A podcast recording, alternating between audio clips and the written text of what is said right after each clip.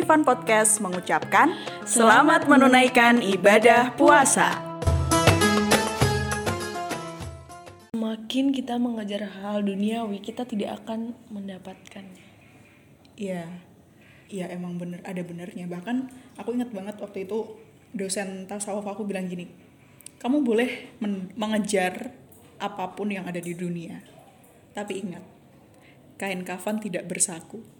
Langsung dong, seketika mau nulis, dosen bilang gitu langsung Kain kafan tidak bersaku maksudnya? Astagfirullahaladzim. Ya artinya ketika kamu di dunia mau mengejar apa pun, kalau mati kan nggak dibawa. Oh, walah. I see baru nangkep. Kayak kan, kayaknya langsung bener-bener langsung ketika nulis materi dosen bilang gitu kayak langsung Sometimes sometimes kalimat itu tuh eye opening. Tapi kalau misalkan kita nggak mengejar hal yang sifatnya material juga di dunia ya kita ngangong juga gitu loh. iya karena ya nggak munafik lah namanya kita juga masih hidup di dunia tapi kan ini kalau menurut aku ya apa yang kita usahakan di dunia tuh yang seenggaknya nanti pun juga panennya juga bisa kita dapat untuk akhirat gitu loh Aku ada baca buku woy, kayak judulnya tuh Insecurity by Alfi Syahrin. Buku itu menurut aku ya. Nah, itu tuh di bukunya juga bilang gitu.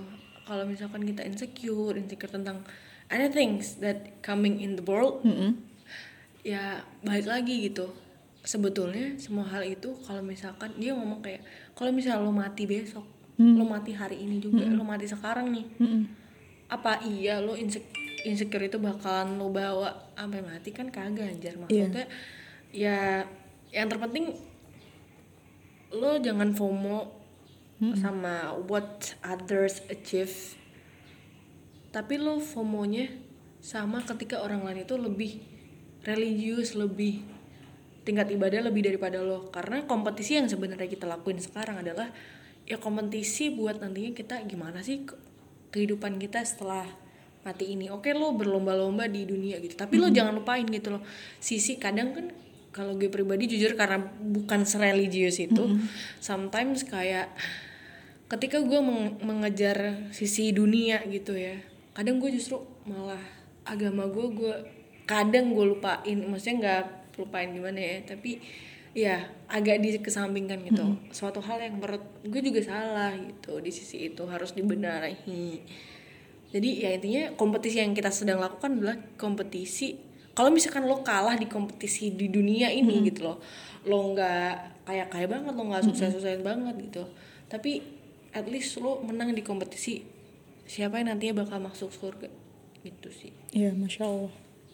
Dan kalau ngomongin soal kereligiusan gitu ya, kadang kita tuh sebagai orang awam ngelihat orang lain yang mungkin, misalkan kita nih sebagai perempuan gitu ya, ngelihat ada orang atau mungkin teman kita yang eh, cara berpakaiannya itu emang sangat syar'i atau eh, emang dia tuh sering banget eh, kajian, sering baca Quran, sering sholatnya tuh rajin, sholat sunnahnya tuh juga rajin. Kita nganggep dia tuh sangat religius.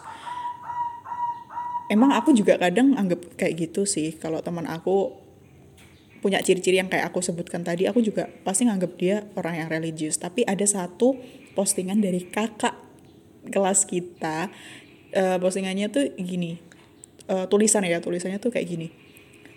Eh, kita kadang tuh nganggep orang yang sholat lima waktu, puasa wajib, puasa Ramadannya full, rajin, sering puasa sunnah, sering sholat sunnah, kita nganggep dia sangat religius atau orang yang punya iman yang sangat tinggi.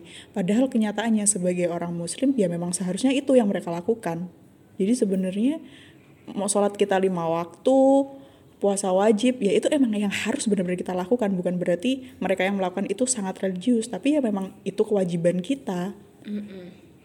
Entah kenapa kayak nampol banget itu loh pas baca kayak baca postingan berarti Gitu. kita harus melakukan hal-hal yang lebih daripada sekedar lima sholat lima waktu misalkan kayak sholat rawatib gitu gitu ya Iya ya karena kalau yang sholat fardu yang kita lakuin sehari lima kali itu ya kan emang kewajiban kita.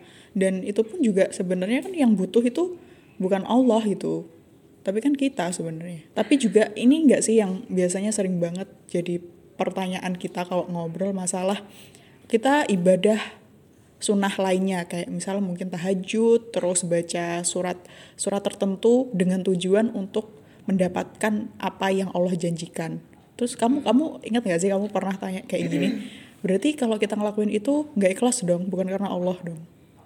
Gitu kan? Dan jawaban aku kalau kamu masih ingat tapi itu jawaban aku juga berdasarkan dari uh, tausiah Ustadz Abdul Somad sih kalau nggak salah Ya, aku lupa. akan ditaruh di description nggak kalau nggak kalau nggak salah kalau kalau bukan dari Ustadz Abdul Somad ya dari siapa ya aku lupa banget Eh, beliau bilang gini ya nggak apa-apa kalau kita melakukan ibadah seperti itu karena ya memang kita melakukan itu untuk mendapatkan apa yang Allah janjikan.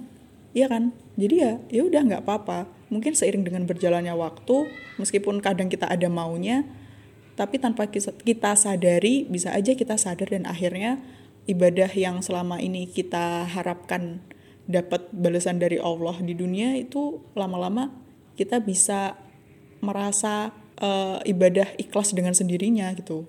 Jadi intinya ya kayak ya nggak apa-apa. Itu kan yang emang, emang Allah yang janjikan itu. Itu kan juga ada perintahnya di Al-Quran. Ya nggak apa-apa katanya segitu dan menurut aku tausiah yang seperti itu yang justru buat kita ngerasa oh iya ya agama kita tuh baik banget. Sebaik itu. Heeh, nggak memaksa nggak harus ya kamu kalau ini tuh ya harus seperti ini. Nggak. Menurut aku tausiah yang seperti itu yang ya menenangkan hati gitu loh Itu level ketenangan kita yang memang mencari pembenaran atas Iya opini kita atau itu tuh emang beneran yang kayak gitu dasarnya gitu loh. Itu Ya. sih gua. Yang beda tipis sih. Tet tet tet. Divan Podcast. See you on the next episode listeners. Prok prok prok prok prok prok.